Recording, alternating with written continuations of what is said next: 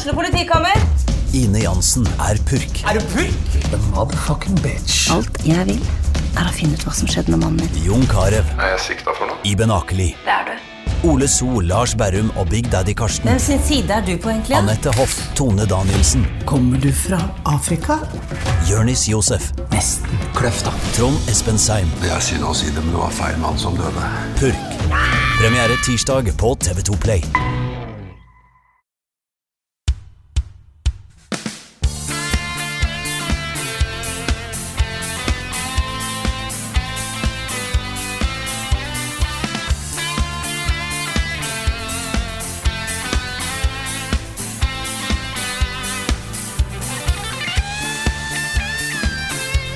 Hallo alle sammen, og velkommen til en ny episode av podkasten Level Backup med meg, Frida Denmo. og med meg har jeg som vanlig Karl Martin Hogsnes og Rune Fjell Olsen. Og i dag har vi også med oss Niklas Halvorsen. Hallo, alle sammen. Hello, Wild Nick appears. It's a Nick. Åh, det var topical også, for det er jo Pokémon-tid. Ja, Ja, det er det. Ja, sånn, det er veldig bra. Ja, nå er vi begynne med å beklage litt uh, lydkvaliteten i forrige episode. Det hadde vi ingen kontroll over. Der Nei. ble det bare gjort et lydopptak fra en miksepult uh, oppe på Meet. Og det ble som det ble. Vi fikk ikke gjort noe med det. Så Nei, beklager. Det var, eh, det var nok mer scenemikrofoner enn det var opptaksmikrofoner. Det er det jeg tror, skjønner. Så det visste vi ikke på forhånd, dessverre. Men nå er vi tilbake igjen i high quality sound, rett inn på Yes. øret ditt, vet du. Ja. Så ja, vi er tilbake igjen. Vanlig, jeg håper å si vanlig opptakstilstand. Hvordan går det? Det er jo ikke så lenge siden vi hadde forrige podkast, innser jeg. Men eh, Det er ikke det. Bare noen dager siden. Podkasten blir nok kanskje bitte litt prega av det også, fordi eh, vi har ikke spilt så mye nytt kanskje siden en gang. Litt nytt, da. Litt grann. Og alle de største nye sakene tok vi opp, liksom. Ja, vi fikk liksom med oss eh, Xbox-greiene og alt det forrige gang, så um, nå føler jeg vi liksom Nå bygger vi opp dette her som en dårlig podkast. Det må vi slutte med. Ja, det blir kjempebra. kjempebra podkast. Ja, det kan, at vi, kan jo være at vi faktisk klarer å holde det tidsskjemaet vi en gang satt for oss sjøl, som vi aldri har holdt. Mm, det er sant, det. Kanskje. Vi får se. Men vi har jo Nick med oss, og Nick har jo spilt masse som ikke vi har snakka om ennå. Så det er en, eh, en, det er en fin ting. Ja, sorry for det, altså. Men da får jeg bare prøve å være, prøve å være quick. Hva har du spilt? Spilt i det siste?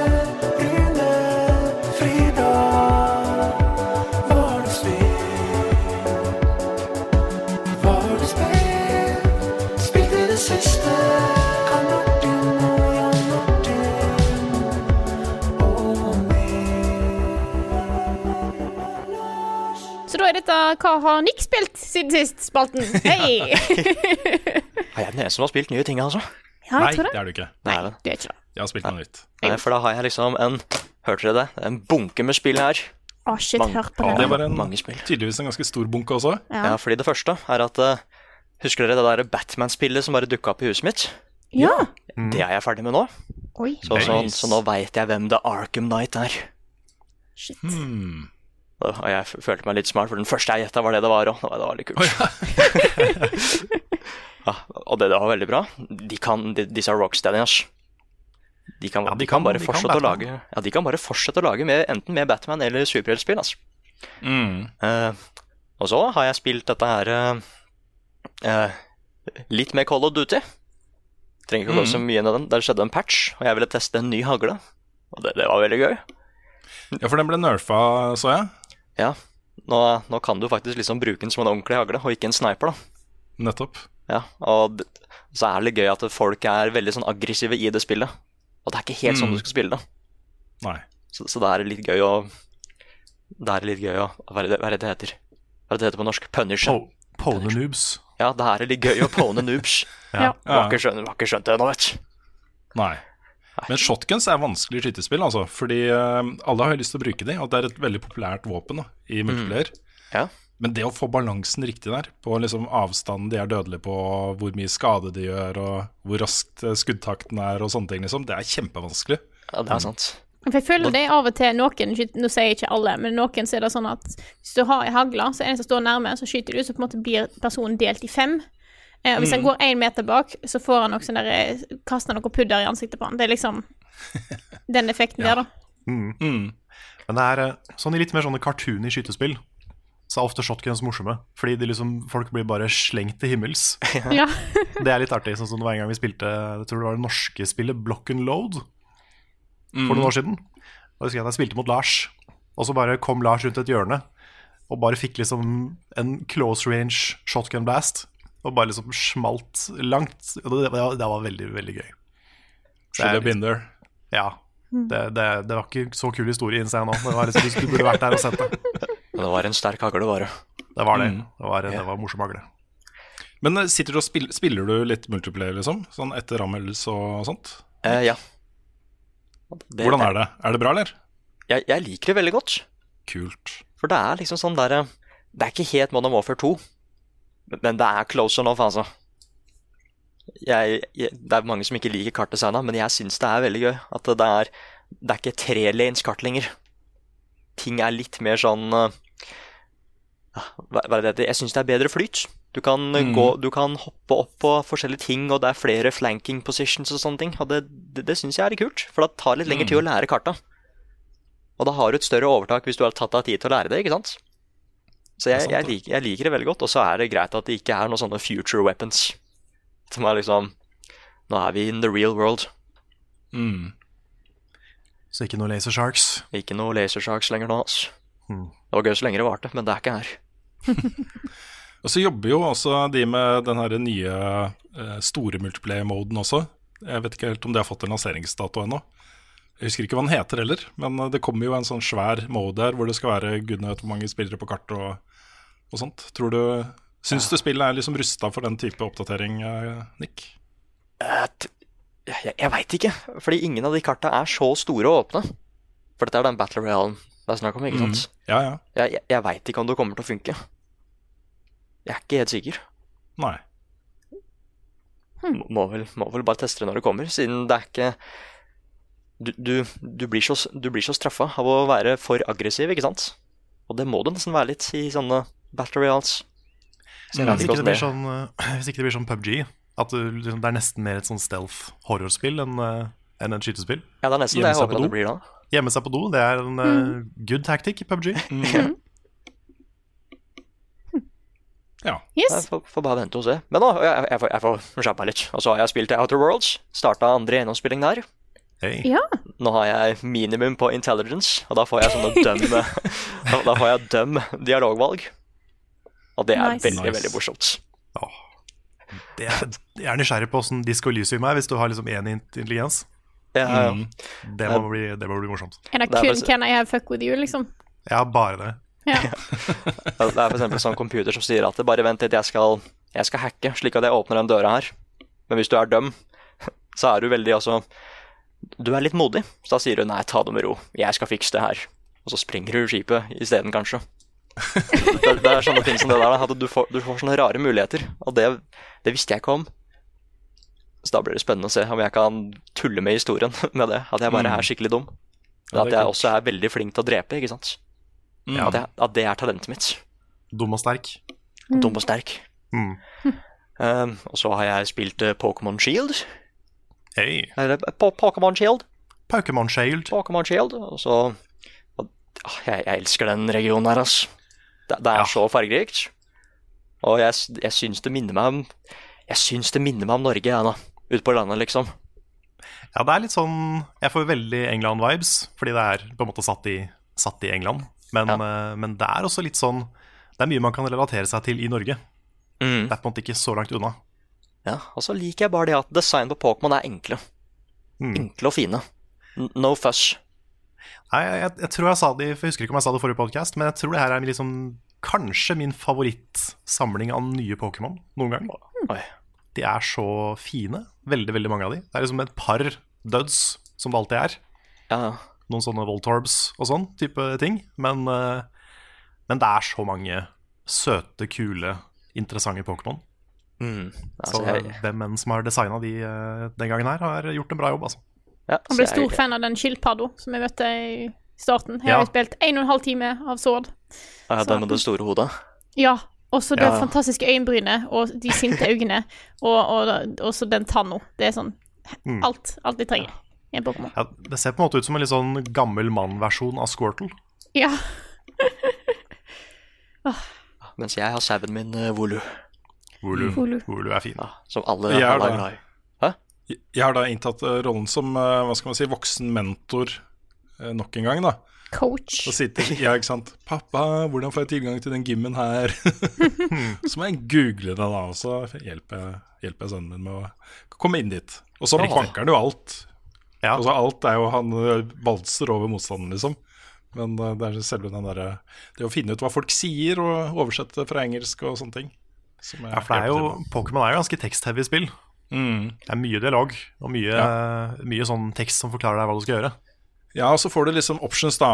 Velge det ene eller det andre. Og når du verken forstår uh, spørsmålet eller uh, svaralternativene, så blir det jo litt vanskelig å vite akkurat hva man skal velge. Ja. Men samme er i gang. Godt i gang. Han er vel på Han har tatt to gyms. Skal Ja. begynne på den tredje. Kult. Mm. De er så kule, de gymmene hans. Ja, det er veldig kule. Jeg, jeg er jo sånn helt Jeg sitter jo bare og observerer, ikke sant. Eh, og jeg syns eh, en ting Det virker nesten litt sånn game-breaking. Hvor du kan få disse Pokémonene til å bli uh, kjempesvære. Hva heter det? Gigamax. Dynamax. Dynamax. Gigamax. Dynamax. Dynamax, sorry. Ok, nettopp. Um, når du kommer inn på gymmene, så de, de gymlederne de gjør jo ikke det før de har siste Pokémon sin. Nei. Mens eh, sønnen min, han går rett inn og tar rett opp og bare one-shotter alt, liksom. Er det litt sånn Er, er det litt game-breaking, eller? Altså, de tingene der har alltid vært litt sånn vanskelig å balansere. Fordi først så var det Mega Evolutions, som var sånn en sånn fjerde evolution for eh, liksom Balbasaur eller for Venusaur eller Charizard og sånn, da. Hvor eh, de ble liksom enda sterkere i noen turns, eller husker ikke om det var hele kampen eller bare noen turns. Men, eh, men det var en ting. Og så kom sånne super moves, sånne Z-moves, som også var en ting. Men uh, Dynamaxing er liksom den tredje utgaven av en sånn superpower-ting, da. Og um, den har jo begrensninger i at du bare kan være svær i tre runder, f.eks. Men det føler Altså, gymlederne er jo ikke så vanskelige, i hvert fall ikke tidlig i spillet. Så um, Pokémon-serien er er heller ikke kjent for å være veldig vanskelig. Nei. Red og Blue var litt tricky, men etter det så har det vært liksom gradvis mindre utfordrende spill. da Mm. Så um, sånn sett så er det litt, kanskje litt game-breaking. Ellers så kan det hende samme har grinda mye. da Jeg vet ikke. Han har i hvert fall full kontroll på hva slags uh, typer uh, Pokémon han skal bruke mot de Pokémon han møter og sånne ting. da Ja, Full kontroll. Ja, sånn Vanntype og gress og alt. liksom Han vet nøyaktig liksom hva slags Pokémon han skal bruke, og hvilke attacks han skal bruke. og sånne ting da Mm. det er, jeg, det er litt, jeg blir jo litt sånn der pappastolt av å se det. Jeg husker jo hvordan han kom inn i Pokémon og var liksom helt noob. da Kunne Mm. ingenting. Og til å være, om ikke ekspert, så i hvert fall ha full kontroll da på hva skal man si det nitty-gritty i, i spillkonseptet. Mm. Ja, nei, um, siden, vi, siden vi allerede snakker om Pokémon, så kan jeg si at jeg har jo nå runda det. Driver nå og fyller ut, uh, fyller ut Pokédexen. Jeg tror jeg er oppe i 230 Pokémon, så det begynner å, begynner å nærme seg. Mm. Det er jo utrolig mange ute i det der wild area-området. Men, uh, men det er en sånn ting som ikke vi snakka om forrige podkast. Det svære wild area-greia, som er liksom den nye tingen i Sword and Shield. En av de nye tinga. Hva syns dere om, om det stedet? Jeg liker det, jeg, da. Jeg syns, jeg syns det er kult at det innførte litt sånn uh, random elementer til kampene. F.eks. at det at det hagler, påvirker eh, hvor effektive visse angrep er da i kamper, f.eks. Mm. Syns det var ganske kult. Hva tenker du, Frida? Jeg har ikke kommet til. Nei, ok. okay. Nei, fordi jeg syns um, det er mye med det som er bra. Det, det at du får så mye frihet veldig tidlig i spillet. Du kommer jo dit før første gym. Og du kan jo, hvis du vil, eh, henge der i en evighet og kanskje catche 100 Pokémon. ikke sant? Og du får jo liksom den friheten til å sette sammen et lag som du har lyst på, veldig tidlig i spillet. Og det er veldig kult. Men jeg syns visuelt at The Wild Area er veldig kjedelig. Det er som det ser ut som det kunne vært worldmappet i 100 andre spill. For jeg har jo sett bilder, da. Jeg syns det ser litt tomt ut. Ja, det er liksom ganske stort og tomt. Det er jo mye Pokémon rundt omkring, men utenom det så er det liksom ingenting som skjer. Du har noen få uh, characters som dukker opp her og der. Men det er liksom ingenting med arkitekturen, ingenting med landskapet som tilsier at dette er et Pokémon-spill. Du, har liksom, du kan se noen byer i uh, In the Distance som er altså Gallery Region-byer, liksom. Men utenom det så er det liksom bare grønne sletter og vann og fjell hele veien. Og noen broer. Det er liksom ikke noe De, de kunne gjort så mye mer ut av det faktiske landskapet, da, syns jeg. Mm. At de kanskje liksom kunne putta inn noen huler der. De kunne putta inn litt sånn mer variert landskap. Kanskje du kunne klatre opp et fjell, og så var det snø på toppen av fjellet. Sånne ting. Men ingenting sånt. Det er på en måte bare noen sletter og noen fjell. Og de kunne liksom, du kunne plotta det mappet inn i hvilket som helst annet spill. Tatt bort Pokémonene, så hadde det passa inn, på en måte. Mm. Så jeg, der savner jeg litt mer særpreg. Men sånn, som funksjon i spillet så syns jeg Wild Area er kult. Bare ikke, ikke spill online, for da tanker spillet fullstendig på framerate og på alt mulig. Ja, Hvis du, hvis du kobler deg til nett med, mens du er der ute. Mm. Okay. Jeg tak takler ikke helt eh, spillet. Ok. Det, det funker, men det blir, det blir sluggish. Da tar jeg til meg det tipset til når jeg kommer dit. Mm. Yeah. Men det er også raid battles der, da. Det er jo litt, eh, litt kult noen ganger. Og da får du muligheten til å catche de etterpå, og det er så kult. Nice. Ja, nice. Har du noe mer på lista, Nick? Ja, det siste jeg har spilt, er Death Stranding. Det var det jeg skulle si. Å ja, hva syns Ja. du om Death Stranding, Nick? Altså, jeg, jeg Hva er det du har gjort, Rune? Jeg, jeg skjønner ja, ikke. jeg vet. Jeg skjønner ikke. Eller altså What have you done? I can't believe you done this. Nei, det er at eh. Men jeg, jeg, altså Når det kommer til å anmelde spill, i hvert fall når vi får det før embargo, så skjønner jeg det veldig godt. For det her er sånn at eh, hvis det er noen snarveier man kan ta for å bli litt fortere ferdig i en historie, eller et eller annet sånt, så tar du den. For du, du skal bli ferdig før embargo. Og når du da har et spill der hvor det sannsynligvis ikke er noen snarveier, du må nesten bygge snarveiene selv, Ja, så, ja, så store områder og Først så får du en sånn halvtimes lang cutscene, og så får du ikke cutscene før du har spilt i sånn 30 timer, ikke sant? Så det er veldig pa- Pacing er veldig rar, men jeg, jeg prøver å skjønne hva var det du ikke likte med historien, Rune? For dette er jo så Rune! Ja, men har du kommet deg helt gjennom? Nei, ikke helt. Nei, fordi Også, jeg, jeg snakka litt med Carl om det også, og det er um, også Konseptuelt syns jeg historien er dødskul. Alt Ja. det bakenforliggende med funksjonene til The Beach og alt dette her, liksom, er eh, amazing. Også alle rollefigurene, bakgrunnshistoriene deres, jeg syns de er kule. Men jeg syns, jeg syns noen av de rollene er litt sånn rart casta. Um, og at ting blir litt for overforklart, da. Uh, men det er en kombinasjon av at jeg ikke, sant Du nevner at man går uh, kjempelenge uten at man får en cutscene, og så får man plutselig en kjempelang cutscene. Ja. Um, og der for eksempel da, så kunne det være sånn at jeg leverte en hel haug med pakker et sted, og så kommer da, ikke sant Heartman for eksempel opp, da. Uh, på kodekken eller et eller annet, for å, fordi nå har det kommet et nytt plottpoeng som han skal forklare. Og så blir han liksom aldri ferdig. Han har akkurat forklart det. Forrige cutscene så forklarte han de samme tingene. Og så nå er det bare sånn for å fortelle at ja, det jeg sa nå, det viste seg at det stemte, og så kommer hele forklaringen en gang til. Og så blir det lagt til litt, og så er det bare lang. Jeg vil bare at han Jeg, har skjønt det, liksom. Jeg, jeg var liksom litt irritert da, over at det ble så overforklart. Um, og så syns jeg også at, uh, at um, i den modusen jeg var i, hvor uh, hvor eh, konseptet i seg selv da, ikke fanga meg så veldig, Ja. så falt en del av de historiepoengene litt eh, gjennom. Det var, de hadde ikke den impacten som de kunne hatt, da. Hvis jeg var eh, Hvis jeg hadde den connection til det spillet som jeg har nå. Fordi det var noe helt annet å spille det gjennom uten eh, deadline. Og med en helt annen modus på fritiden. Jeg hadde hadde allerede anmeldt det. Så det eneste jeg måtte, har måttet kjempe mot nå, det er min dårlige samvittighet og en sånn voksende grad av flauhet da, over at uh, jeg var så kritisk. Fordi uh, det, er, det er veldig rart, altså. Det er uh, For eksempel av dette med rollefigurene. Fordi jeg syns jo mange av disse rollefigurene er feilcasta. Altså, hvorfor i all verden skal det være han eh, Vinding Revn som den rollefiguren og bla, bla, bla, liksom? Nei, men kanskje han bare ser sånn ut. Ja, men det som jeg har slått meg etterpå, da, på den annen side, liksom, så er dette er jo vennene til Hideo Kojima. Han forteller liksom en historie om betydningen av nære vennskap og personlige relasjoner og finne sin plass i samfunnet og sånt. Han har casta sine bestevenner til hovedrollene i et spill om vennskap og om nærhet og sånne ting. Og det er jo fuckings genialt, ikke sant? Ja. Så, så det var en del sånne ting som jeg følte at jeg ikke helt catcha. da, Første gjennomspilling. Mm. Og så er tilfeldigvis vennene Mats Mikkelsen og Ja. Ja, for, ja, men det er akkurat det, fordi det er litt random, tenker jeg nå.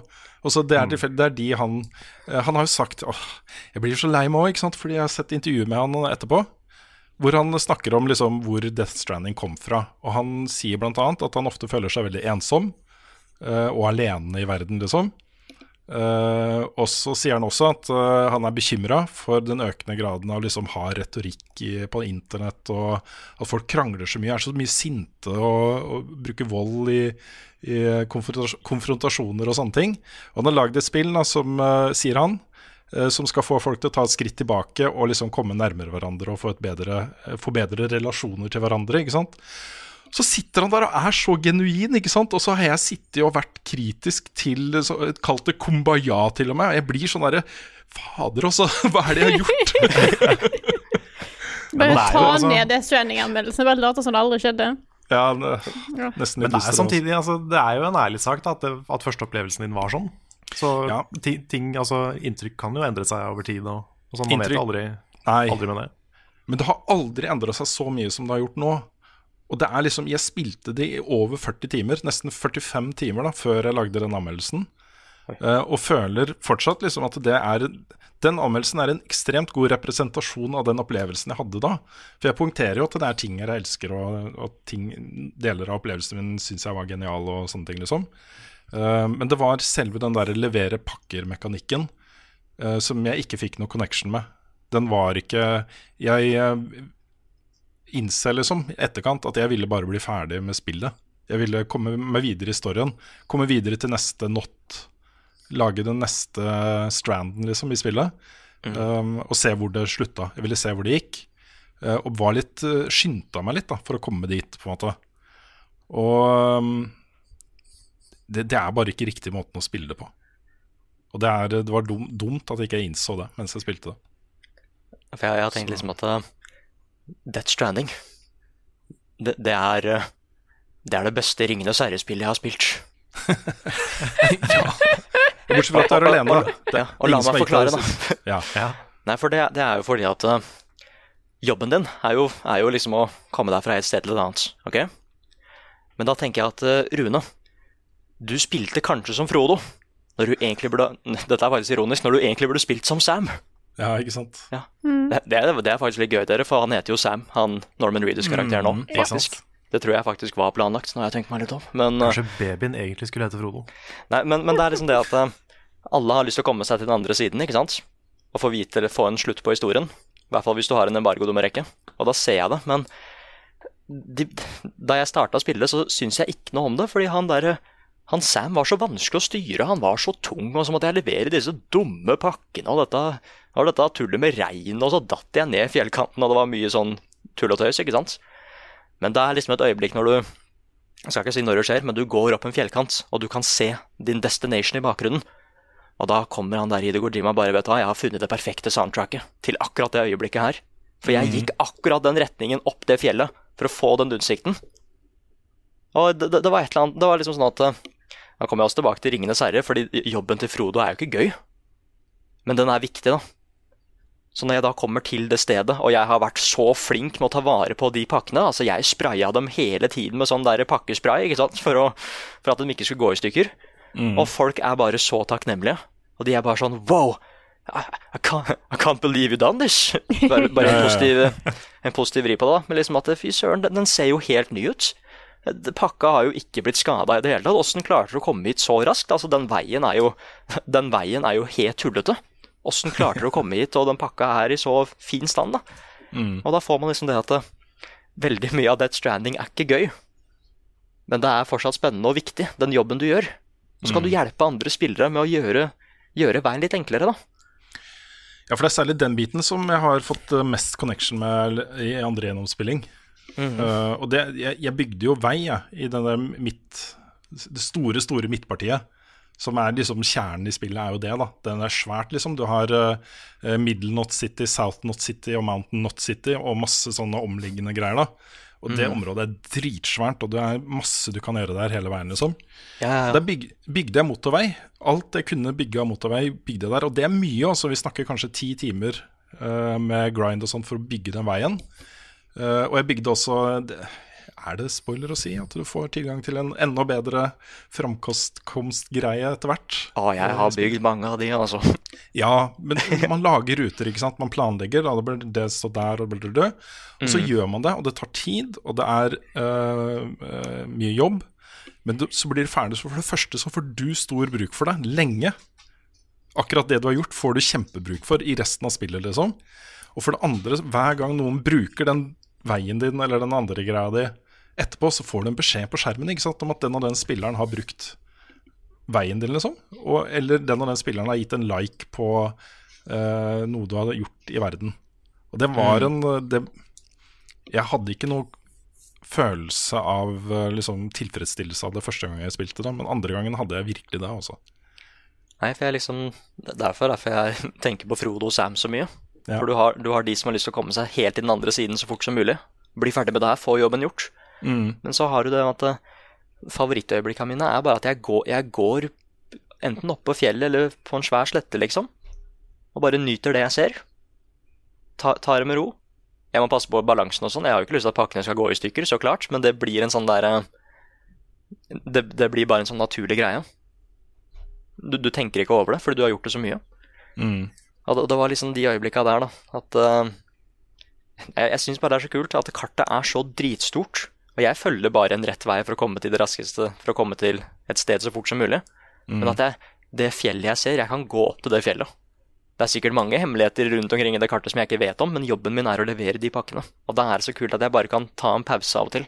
Bare se meg litt rundt. Så kan jeg rope med karakteren, og kanskje jeg hører noen rope tilbake, ikke sant, for noen andre spillere er rundt meg og sånn. Mm. Nei, så det, det er et sånt spill som Jeg tror aldri jeg kommer til å anbefale Death Stranding til folk. Fordi det er, det er veldig vanskelig å Det er ulikt noe annet. Og det kommer til det at eh, selv om jeg ikke Jobben til Sam er ikke så gøy, men jeg koser meg fortsatt med det. Vet du hva, jeg antar at det er som å gå ut med søpla. Det, er, det er veldig Det er ikke så gøy å gå ut med søpla, men så fort du har gjort det, så er det litt digg. Ja, eller å støvsuge leiligheten, eller eh, mm. du er litt ferdig med det. Og jeg har en sånn der fin oppoverbakke igjen, ikke sant? og da får jeg sånn fin utsikt av nabolaget og sånn. Og det er akkurat sånn det er med Death Stranding, at vet du hva, det, det, naturen var verdt det. Selv om jobben var litt tung. mm. Og så er historien skikkelig crazy. Det hjelper også. Ja. Men det er jo et veldig fint sitat for eh, Kojima Productions å bruke framover. At Ja. eh, det er, Death Stranding er som å ta ut søpla. Ja. Put, put that on the cover. yeah. Yes, yes, yes. You're welcome. Mm. Nei, men jeg, jeg kommer jo til å lage en ny video. Eh, jeg har ikke helt bestemt meg for hvor jeg havner der ennå, men eh, eh, jeg må bare stikke fingrene i jorda og innse at er, jeg mener ikke det samme om det spillet lenger. Og Da syns jeg ikke den anmeldelsen skal få stått uimotsagt da, av meg selv. Når, um, Da syns jeg er en rettferdig måte å gjøre det på. ja. så, så det kommer. Etter hvert. Rune svarer Rune om Death Stranding. Ja da. Eh, Hadde du spilt noe nytt, Rune, sa du? Ja da, ja, For det første så har jeg jo runda Fallen Order. eh, Star Wars Jedi Fallen Order. Så den anmeldelsen har jeg skrevet nesten hele manuset til og kommer, eh, kommer snart. Å, kan, du si om det er bra? ekstremt hmm? kan du si om det er bra? Er det Ja, altså, jeg hadde jo en ekstremt positiv omtale av det spillet i forrige podkast. Da hadde jeg kommet ca. halvveis og var megafornøyd. Det er jeg for så vidt fortsatt. Men jeg hadde eh, Da jeg var halvveis, så trodde jeg fortsatt at det spillet ville ta meg med til greier som jeg kanskje ikke helt hadde forventa, eller ville ta retninger, uventa retninger. At det ville tilby noe uh, annet da enn det jeg hadde opplevd i første halvdel i spillet. Og Kan jeg bare si en ting? Ja, Bare sånn, akkurat i det du er her. Jeg føler jeg hører det jeg snakker om Death Stranding her. For da gjorde du i den podkasten der du var kommet halvveis, så sa du at du forventa spillet kom til å ta deg videre til ja da. noe Det, litt sånn. er, Ja. litt, det er Ja. litt, litt, kan speiles litt, rann, da. Kan speiles Ja. litt. rann. Um, men dessverre, da, med Fallen Order, så, så um, Altså, det Det er så velprodusert, ikke sant, og så sjukt deilig å spille et skikkelig bra Star Wars-spill igjen. Og alt funker, og alt er liksom Bortsett fra at det er litt uh, slowdowns i frames og sånne ting, da. Så bare det å spille det, det bare føles som en million bucks, liksom. Det er skikkelig deilig. Og musikken og eh, vistaene du kommer til, og planetene du reiser til, alt det der er så utrolig nice, da. Men så er det er ganske safe, altså. altså det er eh, velprodusert, men litt sånn etter eh, en formel, på en måte. Og føler ikke at det spillet når hele sitt potensial. Da. De kunne ha tatt større risker, de kunne ha gjort, gjort ting som eh, kanskje var litt mer uventa etter hvert, og sånne ting. Men det er ingenting i det spillet her som jeg føler overraska meg. da. Og når de først tar vendinger i historien, så er det vendinger gjerne man kunne se komme fra ganske langt unna. da. Så ikke fullt så ekstatisk som jeg var i starten, men det er fortsatt et veldig bra spill. Så jeg, det kommer til å få en god anmeldelse av meg. Eh, Men jeg er glad jeg fullførte det. Jeg er glad liksom at jeg ikke bare lagde anmeldelsen da jeg var halvveis og tenkte at dette her er Ikke sant? Eh, Det er ting som, uh, som uh, legger litt andre nyanser på helhetsinntrykket mitt, da, som blir tydeligere etter hvert. Men det nye jeg har spilt, det er jo Minecraft Earth, som nå er tilgjengelig i beta, eller Early Access, da, her i Norge. Stemmer det. Ble tilgjengelig denne uka her. Det er, eh, jeg spilte det jo eh, på lansering, faktisk nesten nøyaktig på lansering. Når det var tilgjengelig i AppStore, liksom, så spilte jeg det. Og Da var det tydeligvis veldig mange andre som gjorde det, fordi det var veldig sluggish. Og ting, Jeg trykka på at jeg skulle gjøre ting, og så skjedde det ingenting. Og så trykka jeg igjen, og da skjedde det, liksom. Men da var det jo fra forrige gang jeg hadde trykka, så neste gang jeg trykka, så gjorde det om det og, og sånt, da.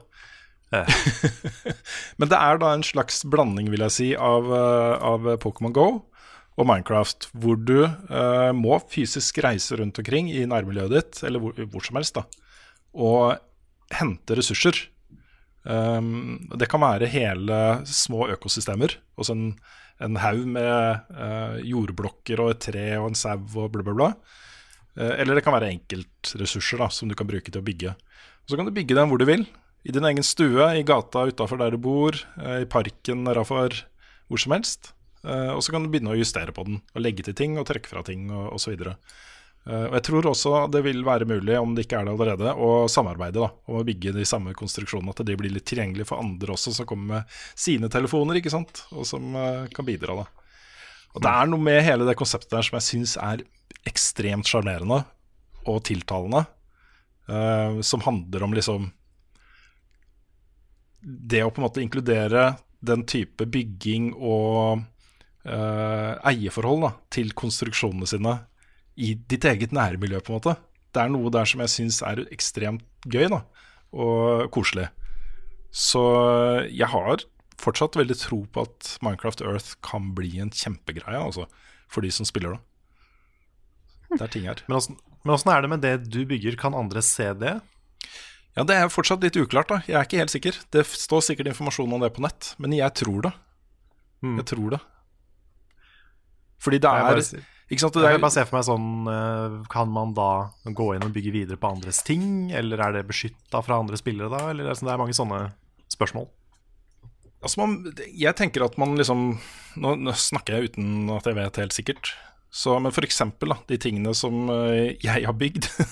det er jo i min egen stue, og det skal jo litt til da, for at noen kommer inn i min stue for å se den konstruksjonen jeg har bygd der, liksom. Ja. Um, og da tenker jeg at da må det jo være åpning for at de som faktisk er i min stue, må da kunne se den tingen. Det er ikke en sånn stor åpen server hvor hvem som helst valser inn. Mens hvis jeg går ned da på parken her og bygger et eller annet, det er interessant å se. For jeg, det vet jeg ikke, men det hadde vært veldig kult. Hvis det på liksom knutepunkter i nærmiljøet ditt bygges svære greier liksom, som folk bidrar på, eventuelt ødelegger eller hva som helst, da, så, så har det en sånn utvida betydning. Ja. Dette er, her er potensialet for skrekkfilmer.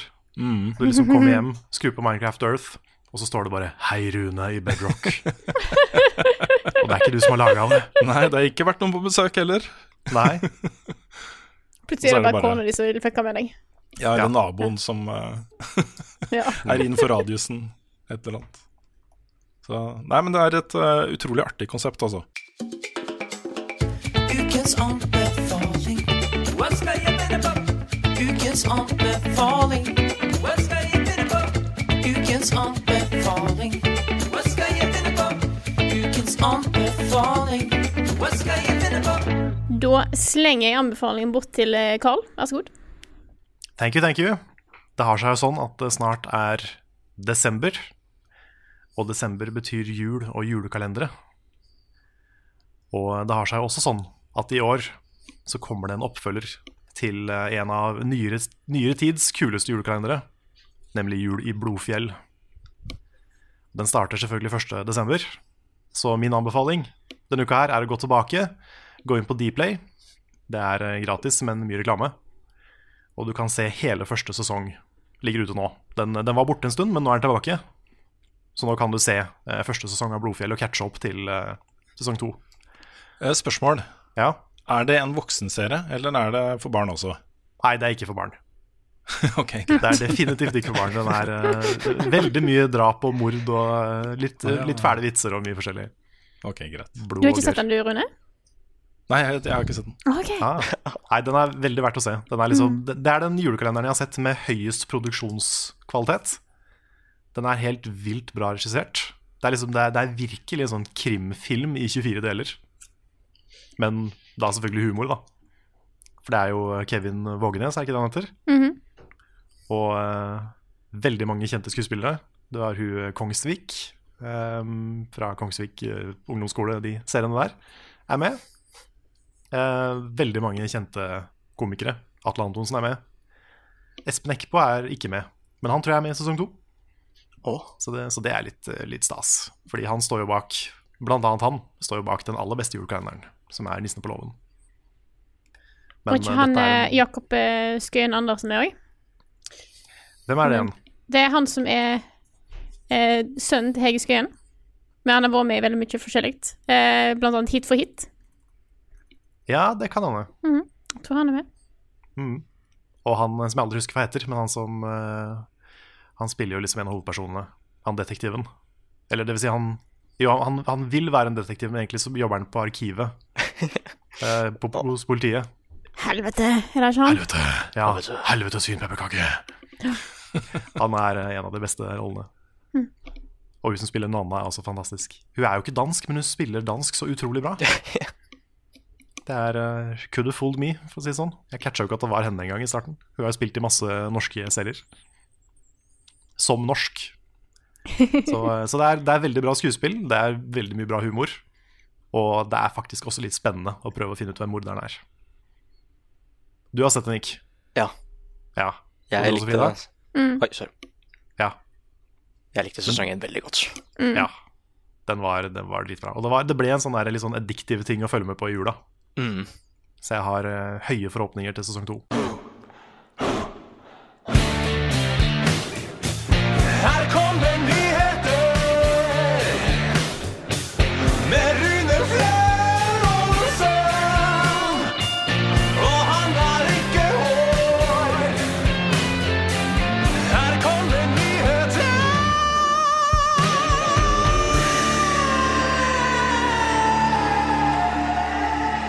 Det blir jo en litt kort sånn nyhetsspalte denne gangen her. Nå har vi både, Det er bare noen få dager siden forrige podkast, pluss at vi hadde spilleuka på tirsdag.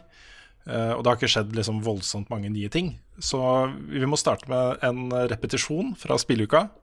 Nemlig uh, Half-Life Alex er avduket. Uh, vi vet jo fortsatt ikke akkurat hva det er, da, for vi spiller jo dette på torsdag, og det er seinere i dag som de har den der store avdukingen sin. Ja, riktig. Men uh, det, er, det vi vet, er at det er et VR-spill i Half-Life-universet, og det er Alex som er uh, fokuset der, liksom. Vi vet ikke om det er en fortsettelse på historien, eller om det er en tech-demo, eller om det er en helt ny historie, eller Vi vet ingenting sånne ting, da. Men det er stas at Valve er liksom tilbake på Half-Life med noe nytt Half-Life, rett og slett. Er det, er det sånn at det er lov å begynne å håpe igjen, eller er det dumt? Det er bare dumt. Det er bare dumt. altså, det som har vært problemet til Valve når det gjelder Half-Life, er jo at de har en flat selskapsstruktur, hvor alle som er ansatt der, kan få lov til å jobbe på hva de vil. Og så viste det seg da, etter Half-Life 2 episode 2 at ingen hadde lyst til å fortsette å jobbe på Half-Life. så da ble det bare ikke noe av. Det vil si, det har sittet og jobba folk med det, men så eh, tror jeg de kjørte seg fast. De gikk et spor som ikke førte noen vei, og folk ble lei, og så begynte de å jobbe med andre ting, og så ble det liksom bare kokte bort. Det bare ble ikke noe av. Og jo mer tid som gikk fra at det ikke ble noe av, så ble liksom sannsynligheten for at de tok opp tråden igjen, da, eh, lavere og lavere. Fordi eh, Ja, det er store sko å fylle, liksom. Her har du en serie som blir hylla som noe av det beste som er lagd i spillmediet noen gang. Folk har et ekstremt lidenskapelig forhold til Half-Life-universet. Um, og du kan ikke bare lage en vanlig oppfølger da. Det må flytte grenser, det må være noe nytt. Det må være liksom ordentlig, ordentlig bra, da. Så uh, det, det er liksom Kan skape prestasjonsangst hos de fleste, tror jeg. Så vi må bare vente til de lanserer PC2. I PC2. Nei, jeg, men jeg er veldig spent på hva dette her er, altså. Fordi eh, det virker som om Valve er veldig gira på VR. Og at de har eh, veldig klare tanker om hvor VR bør gå, og hva det kan være og sånne ting. Og det de sier er jo at dette her vil være deres flagship VR-tittel. Det vil være Og med det, da, så ligger det på en måte implisitt at det, de mener det vil være noe av det beste som er tilgjengelig for VR i det hele tatt. Så jeg tror uansett det blir en veldig spennende ting altså, å følge med på hva dette her blir for noe. Ja, det, jeg testa jo en del VR-demoer da Viven kom ut. Og Mhm. litt sånn etterpå med PlayStation og eh, Moss og de spilla der. Men det er noe med den derre Noen av de demoene i The Lab er jo fortsatt egentlig kanskje det beste jeg spilte. Mm. Da Spesielt den bueskytinga er jo bare awesome. Og Beat Saber er dritkult. Og Beat Saber er kult. Det er sant. Mm. Altså, det blir spennende. Det er uh jeg vil ikke så mye mer å si om det, eller har vi lyst til å si mer om det? Nei, det, det er vanskelig å si noe uten å ha sett den revealen. Mm. Men jeg er nysgjerrig på om det kommer til å være on rails, eller om du kan bevege deg fritt rundt. Fordi det å Mm. bevege seg fritt i et VR-spill er ofte slitsomt. Ja da. Og du blir svimmel og kvalm og, og sånn av det. Mm. Så um, hvis de har klart å løse det Kanskje du kan ri på dog, vet du. Ja, kanskje det. Mm. Et eller annet sånt. Kanskje du har en uh, Du har en sånn gressklipper som du kjører bortover. Ja. det kan hende. You never know. Yes, Og så har eh, da um, nominasjonslista til årets Game Awards blitt avduket. Riktig. Uh, trenger ikke å gå gjennom alle kategoriene her. Uh, men jeg så en Skal se, jeg må bare finne fram den. Jeg så en herlig Twitter-melding som, uh, som jeg syns oppsummerte Oppsummerte nominasjonslista ganske greit. Ok, Nå begynner jeg å få en følelse av at du er misfornøyd med lista, Rune. Denne lista har ikke jeg sett. Nei, altså Det er da fra en som heter Nathan Grayson, som Ja. eh, kommenterer nominasjonslista. Excited to see that Jeff Stranding featuring Jeff got nominated for Jeff of the Year at the Jeff Awards. Yes. det, det kommer jo til å bli litt funny, da. Mm. Ikke sant? Hvor uh, Jeff uh, Keeley, som er da host for Game Awards og grunnlegger av Game Awards, han er jo med i Death Stranding og er. Ja. bestevenner med Hideo Kojima. ikke sant? Ja, virkelig. Han har jo, han er jo nærmest fridd til Hideo Kojima. Og liksom, han, du ser han er på gråten hver gang Hideo Kojima er på scenen. Og, Ja, ja, ja. Han er jo så fan. Så ja. Uh, kan ta liksom hovedkategorien, da. Uh, Game of the Year, det var uh, da Control. Eh, Death Stranding oppsummere vinduet litt. Resident Evil 2, faktisk. Det syns jeg var litt rart. Ja, det Ja, kom i år. Mm. Mm. Sekiro. Ja. uh, Super Smash Bros. Ultimate. Det kommer vel i fjor, men det er jo tidlig. Altså det er vel 1. november eller noe sånt, tror jeg, som er grensa for nominasjoner her. Ja, Ja, ja, det, kom, det går an. det kom etter cutoffen i fjor. Mm. Ikke sant? Og de har, Altså, litt rare, de har litt rare år i Game Awards. Så det er Mm. nesten Oscar-regler, da. Ja, det blir nesten det. Jeg syns jo at Game of the Year-kåringer bør være for et helt år. Så jeg syns jo akkurat den greia der er litt rar, da. Mm. Det burde ha hatt Game Awards i januar, ikke sant. Men Ja. eh, Helt enig. det. Eh, og det siste spillet er jo da The Outer Worlds. Åh, Ikke Outer Mm. Wild. ikke noe Fire Emblem. Det er ikke noe Fire Emblem, ikke noe Outer Wild.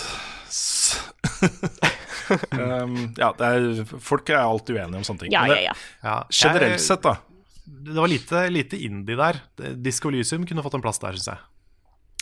Ja, både Disco Elysium og uh, Outer Wilds og en del andre indiespill har jo fått uh, plass på andre steder. Gris er nominert i Best Art Direction, f.eks. Ja. Det samme er Sayonara Wild, Wild Hearts, sammen med liksom Control og Death Stranding. Så det, det er jo bra, men eh, det er jo mange da som mener at, at en svær sånn fesjå som dette her er, ikke er, ikke er uh, inkluderende nok f- og representative nok for hvor store og hvor flotte disse indiespillene har blitt. da At det er litt fokus på Triple A og blockbusters og svære selskaper og de som er med på å betale for gilde, ikke sant. Ja, Så ja for vi, vi, har- vi snakker jo litt om Game Awards hvert år, egentlig. Og vi har jo Mhm. streama det, i hvert fall i fjor, gjorde vi det? ja, det er, eh, jeg har i hvert fall lyst til å prøve å få til det i år også. Men, ja, det syns jeg også. For det er jo veldig mye reveals der, men dette er et veldig kommersielt show. Det er masse Mm. sponsorer, og Ja. det er veldig tydelig at dette styres av eh, ads og penger, liksom. Mm. Um, men det er jo også ganske sånn spennende å se på, fordi det er store spill-reveals.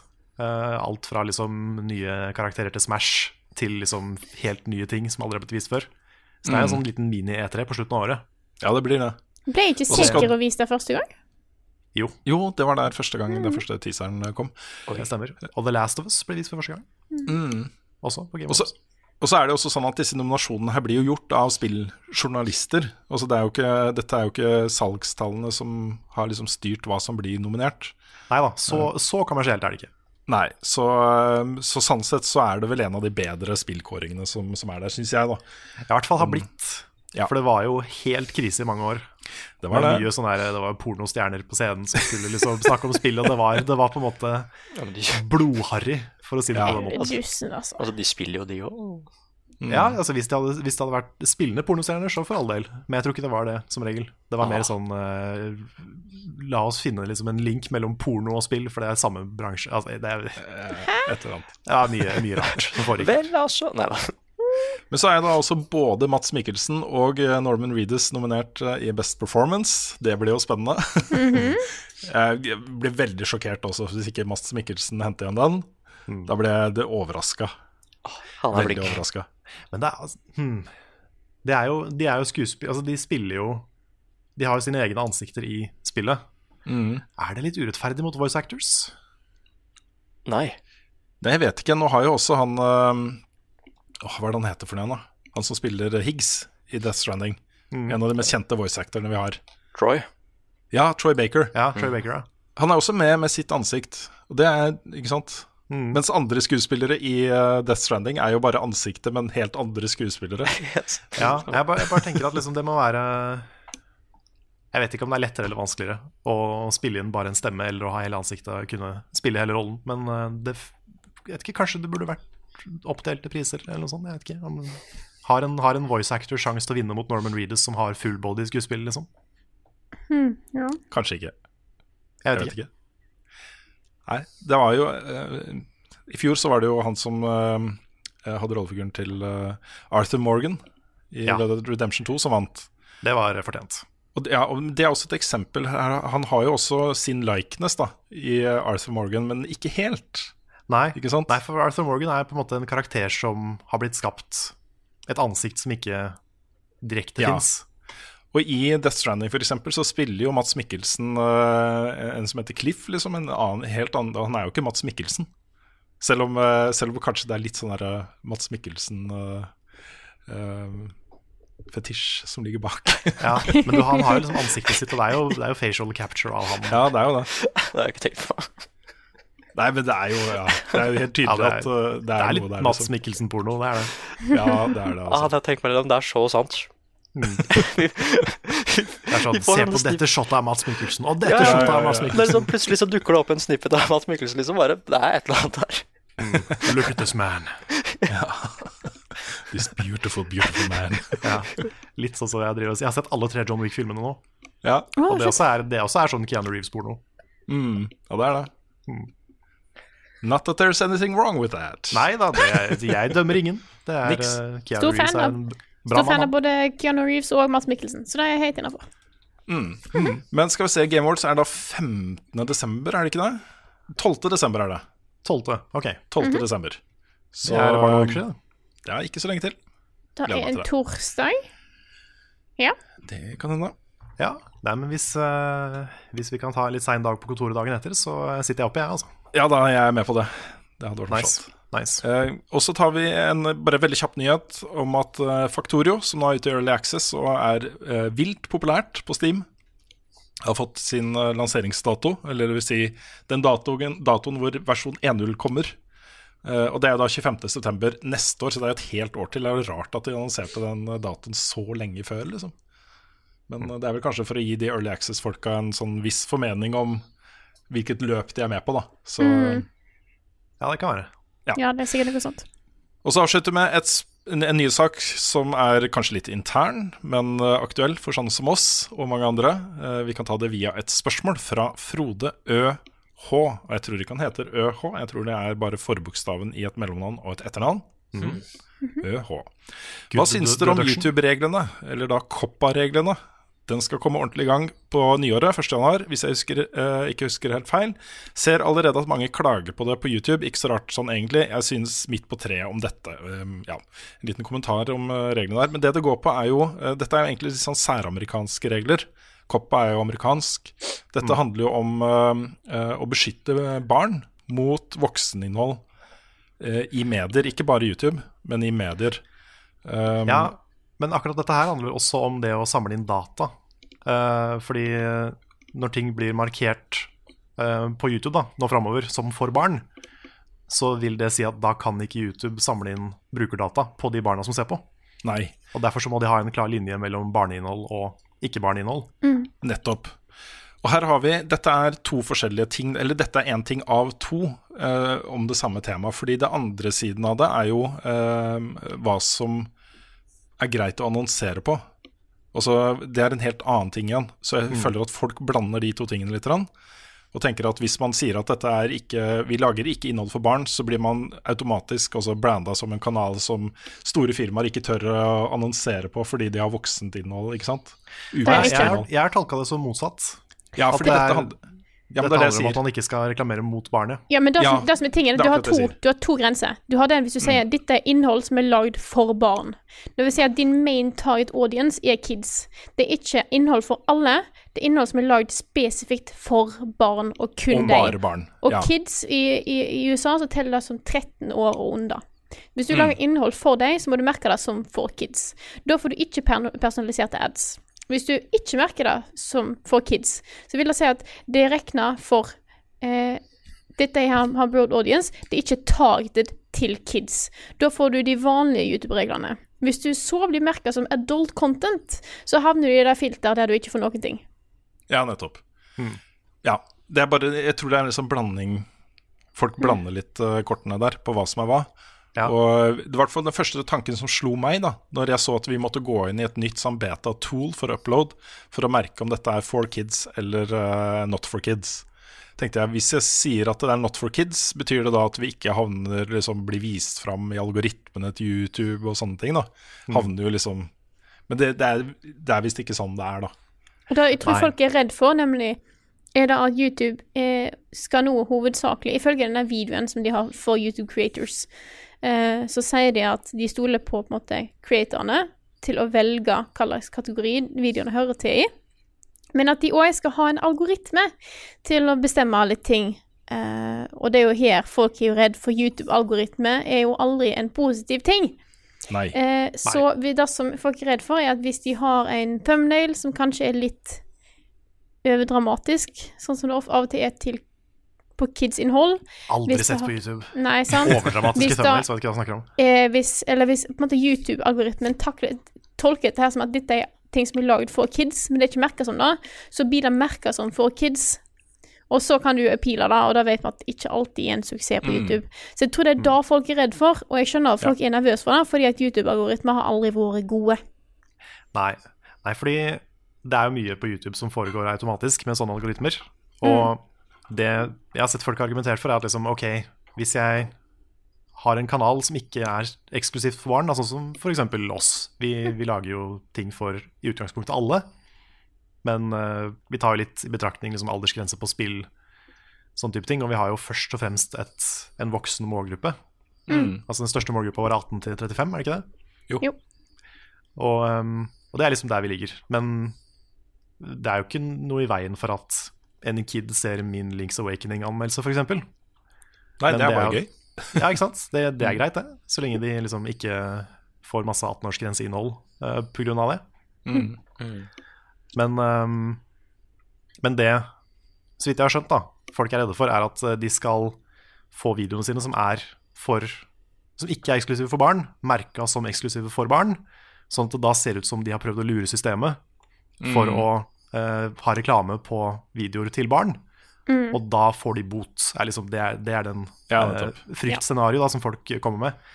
Jeg tror det skal litt til at det skjer, fordi en algoritme er ikke den som gir boten. Nei. Så, så det, akkurat det tror jeg er litt sånn uh, paranoia. Å, det Sånn hadde vært skummelt. Boten er vel amerikanske, på en måte F... Ja, hva heter det selskapet? F, F et eller annet, i hvert fall. FCC? F, noe sånt. FTC, F, FCC. Ja. Eh, et selskap som, ut, som gir de botene, men det er jo da mennesker som gjør. Så hvis ikke du liksom tydelig har prøvd å lure systemet, tror jeg ikke noen burde være redde for å få svære bøter. Altså. Men det er jo et moment her, da, som, øhm, som kanskje øh, kan ha større grunn til å frykte disse tingene her enn det sånne som oss har. Og det er jo en del kanaler der ute som sier at øh, Nei, våre seere er liksom 18, de, eller 20, eller et eller annet. Men i realiteten så er de 6, liksom, eller 7. Her begynner det å spille inn en del sånne ting som kan bli litt interessant å følge med på. Ja. Så I tillegg så er det jo hvis, hvis du har lagd innhold som er for ikke-unger, får det markert som for unger, så kan du miste litt ad revenue, for da får du ikke en personal, personalized ads-greiene lenger. Mm. Og for de som er avhengig av ad revenue på YouTube, så kan det være en større case enn det det er for oss. La oss si det sånn, da. Ja. Og så har du jo liksom de moralske siden av det, fordi reklame mot barn er jo ulovlig i Norge. Ja. Og det er jo bra at det er det, tenker jeg. Ja. Mm. Det er en grunn til det. mm. Så, sånn sett så er jo dette også positivt. Ja, at ikke, og så har at ikke jo barn som ser våre videoer altså, nå, nå er det kanskje reklame for våre videoer fordi det ikke er for barn. Eh, I Mhm. hvert fall ikke satt som for barn. Nei. Men, men sånn generelt, hvis, det, hvis man ser, setter på en sånn Jeg vet ikke. Det er masse, masse sånn veldig kid-friendly greier på YouTube. Og da er det greit at ikke barna blir bombardert med ads. Men det er jo ads, det, altså det som er ulovlig, er jo reklame som spesifikt har unger som målgruppe. Det er jo det som ikke er Mm. lov. Ja, Å sånn. vise reklame til unger er jo ikke en ulovlig ting. Nei, det er vanskelig å skjerme barn fra det. Ja. Mm. Men sånn, ja, med barn som målgruppe. Ja. Det er uh, bad. Men i så fall, da. Vi har jo tatt eh, vi, Hvis det er mulig, jeg vet ikke om det er mulig, er det, er det mulig, Karl? Bare merke hele kanalen vår som Not for Kids. Ja, det Ja, har vi gjort. da kan du Ja. Ja. Men allikevel så får jeg beskjed nå hver gang jeg laster opp en video nå om, eh, om å merke det. Men da er det bare satt av som default alternativ, da. Ja, Ja. jeg går ut fra at det skjer automatisk da. Ja. Jeg håper det. At vi kan bruke det gamle verktøyet for å laste opp. Hmm. Mm. Ja, for det nye suger jo. Nei, fordi eh, det, det, Vi har aldri lagd innhold som er laga spesifikt for barn, og vi kommer aldri heller til å gjøre det. Med mindre Nei. vi lager et eget konsept, da. Som er liksom Kanskje med barneprogramleder og sånt, som vi har snakka litt om, faktisk. Ja, vi, vi snakka litt med Lars en periode om å lage Ja. en sånn her, eh, liksom, ha en sånn barnejury som tester barnespill, f.eks. Sånne ting. Ikke sant? Ja. Men det, ja. Det er noe kanskje helt litt, annet, litt liksom. skumlere. Ja, det er litt skumlere å gjøre det nå. ja kanskje litt skumlere å gjøre det nå. Men uh, jeg tenker jo litt på sånn uh, Jeg trenger ikke å dra dette her kjempelangt, altså, men jeg tenker på litt min gamle YouTube-kanal. Der tok det jo mange år før jeg skjønte at ganske mye av publikummet mitt som så på f.eks. Minecraft, da mest Minecraft, det var jo kids. Mm. Og jeg lagde jo ikke, det var ikke det som var utgangspunktet mitt da jeg begynte. Jeg tenkte liksom nå skal jeg bare lage noen morsomme Minecraft-videoer for folk som liker å se det. Kanskje folk på min alder, liksom. Men så Litt sånn ble jo seksuell innuendo innimellom. Ja, jeg hadde der, jo og- noen litt sånne voksne kommentarer innpå der. Det fant jeg etter hvert ut at det ikke var så lurt. Jeg fikk spørsmål fra, i kommentarfeltet som Hva betyr seksuell? så da måtte jeg liksom Shit, det er ganske mange barn som ser på. Og jeg skjønte jo ikke det med en gang. Nei. Jeg hadde jo ikke et publikum da jeg begynte, og jeg ante jo ikke hva slags publikum det ville tiltrekke. liksom Minecraft var jo ikke noe stort da jeg begynte. Det, liksom, det eksploderte etter at jeg begynte. Men det, ja, det, tok, det tok tid før jeg innså hva publikummet faktisk var. Mm. Og det er mange youtubere som ikke innser det. Som tenker at nei, mitt publikum er på min alder, men så er kanskje realiteten noe annet. da Kan hende Det, det, det kan, kan Det være. er litt sånn det er touchy noen av tema, det der, så. Mm. Kommer Rune sin standup på DVD, eller? Jeg selger ikke guttenavn. Hva er det verste vet? Hvilket språk snakker Frida egentlig? Hvorfor er Mario rørlegger? Og vi fyrer løs spørsmål og svarspalten med spørsmål fra Bjørn, Bjørn Anders Ulsund, som spør når man, skri- eh, når man snakker om spill og spillterminologi, så blir det fort til at man bruker engelske ord fordi man ikke har en direkte oversettelse til norsk. Har dere en bevisst tanke rundt om dere vil bruke norske ord dersom de er like beskrivende som det engelske? Godt spørsmål. Jeg fikk erfare eh, hvor langt bort jeg har kommet fra det prinsippet siden VG-dagene da jeg skrev uh, tekstanmeldelse eh, for Gamer. Ja, du ble arrestert av Audun på et par engelske Ja, ord. masse, det var masse engelske ord. Men poenget er at eh, i VG så hadde vi den samme policyen. Hvis det fantes gode norske ord, så skulle vi bruke dem. Mm. Og vi fikk jo hele tiden reaksjoner fra lesere og seere som var sånn Hvorfor det høres så rart ut å høre det ordet der på norsk? Ja, Selv om det var litt- Erfaringspoeng. Liksom. Helse. Spillbarhet. Ja. så, men, men jeg syns allikevel det er en god Når du henvender deg til uh, mange, liksom, så syns jeg det er en god policy, da. Policy. En policy. Der hører du. For poenget er at det vi En fant ut ut ganske fort, da, ikke sant Ja. Um, det, det, det vi fant ut ganske fort, som indieselskap på våre egne kanaler, vi henvender oss til en smalere målgruppe og sånne ting, var at det føles mest naturlig for oss å bruke mange av disse engelske ordene. Mm. Uh, det er sånn vi snakker muntlig med hverandre, liksom, og da blir det Ja. ja, for uh, jeg vet at jeg bruker mange engelske ord i dagligtalen og i videoer i alt mulig. Same. Men, men det, for meg så Jeg tenker sånn at vi er et muntlig medium. Vi, vi, vi leser anmeldelsene våre høyt. Jeg, jeg prøver å være flinkere til å bruke norske ord når jeg har et manus. Mm. Men sånn som nå i podcasten, så jeg innrømme at jeg driter i det. Da bruker jeg de orda som føles naturlig for meg. For dette er liksom, en podkast er jo en naturlig samtale. ikke sant? Ja, ja, ja. Så det å hele tida stoppe opp og tenke hva er det norske ordet for dette her, Mm. når jeg isteden bare kan bruke det ordet som alle bruker. Så det Jeg, føles jeg, mest riktig for meg. jeg, jeg merker det selv når jeg skriver anmeldelser, at da jeg på en måte prøver jeg å være litt bedre på det. Men jeg har noen ord som jeg har problemer med å bytte ut. Gameplay er en av de. Den syns Ja. jeg på en måte er et veldig fint ord. Ja, altså, Spillbarhet betyr ingenting. Du kan, du kan liksom argumentere for at gameplay heller ikke gjør det, men det har i hvert fall fått en betydning. Ja. Mm. Bare gjennom i, i løpet av åra, liksom. Så vet folk hva gameplay er. Mm. Og så har du også sånn når, eh, når vi er muntlige, da, så er det en del uttrykk og sånn som vi har lyst til å bruke, som bare høres bedre ut på engelsk. Sånn my cup cup of tea og Ja. den type uttrykk, da. Ja, for jeg har aldri sagt 'dette er ikke min kopp te'. Da har jeg gjort eh, et par ganger Jeg har brukt av og til noen sånne uttrykk eh, i anmeldelser, oversatt de til norsk. Litt sånn bare for gøy. Så jeg har sagt Mm. 'dette er ikke min kopp med te', tror jeg jeg har sagt en gang. Eller at det er min kopp med te. Ja, Når Eh, du sier det, kanskje jeg også har brukt det en gang. Men det, så da har jeg gjort det et par ganger, men det er bevisst. Ja. At jeg har oversatt det. Mm. Mm. Og jeg, Jeg også-. Ja, bare fortsett, Nick. For du Ja. også bruker en del engelske uttrykk i anmeldelsene dine, har jeg Ja. lagt merke til. Masse. Ja, det er at det er eh, Hvis det hadde vært skriftlig, så hadde jeg bare prøvd å gå til i hvert fall nærmest 100% norsk. Men jeg har merka det at når jeg skal liksom ta opp stemmen og sånn, så, ha, så er tonefallet mitt veldig rart. Og da pleier jeg som regel å bruke engelske ord hvis det er enklere å si det i en setning. Oh, ja. For eksempel, jeg bruker veldig sjelden utfordring. Jeg klarer det helt fint nå, jeg veit ikke hvorfor, men når jeg prøver å ta opp stemmen min som en voiceover, da, og bruke utfordring i en lang setning, så blir det liksom Ja, det er en god utfordring. Utfordring. Jeg skjønner veldig, jeg skjønner veldig godt hva du mener. Ja, og da bruker jeg Det er en god challenge. Ja, det er sånn ja, Og det, jeg kommer ikke til å stoppe med det heller. Det er veldig bra oppsummert, eh, faktisk. Mm. Ja, så jeg, jeg liker de orda, rett og slett. Mm. Det er lett å si. Jeg vet, at, jeg vet at noen henger seg veldig opp i det. Vi får noen ganger sinte kommentarer om at eh, hvorfor bruker dere disse engelske orda? Men eh, jeg mener sånn generelt da, at når vi, er et, eh, når vi er såpass muntlige i anmeldelser og i det vi lager som vi er, så burde det være greit.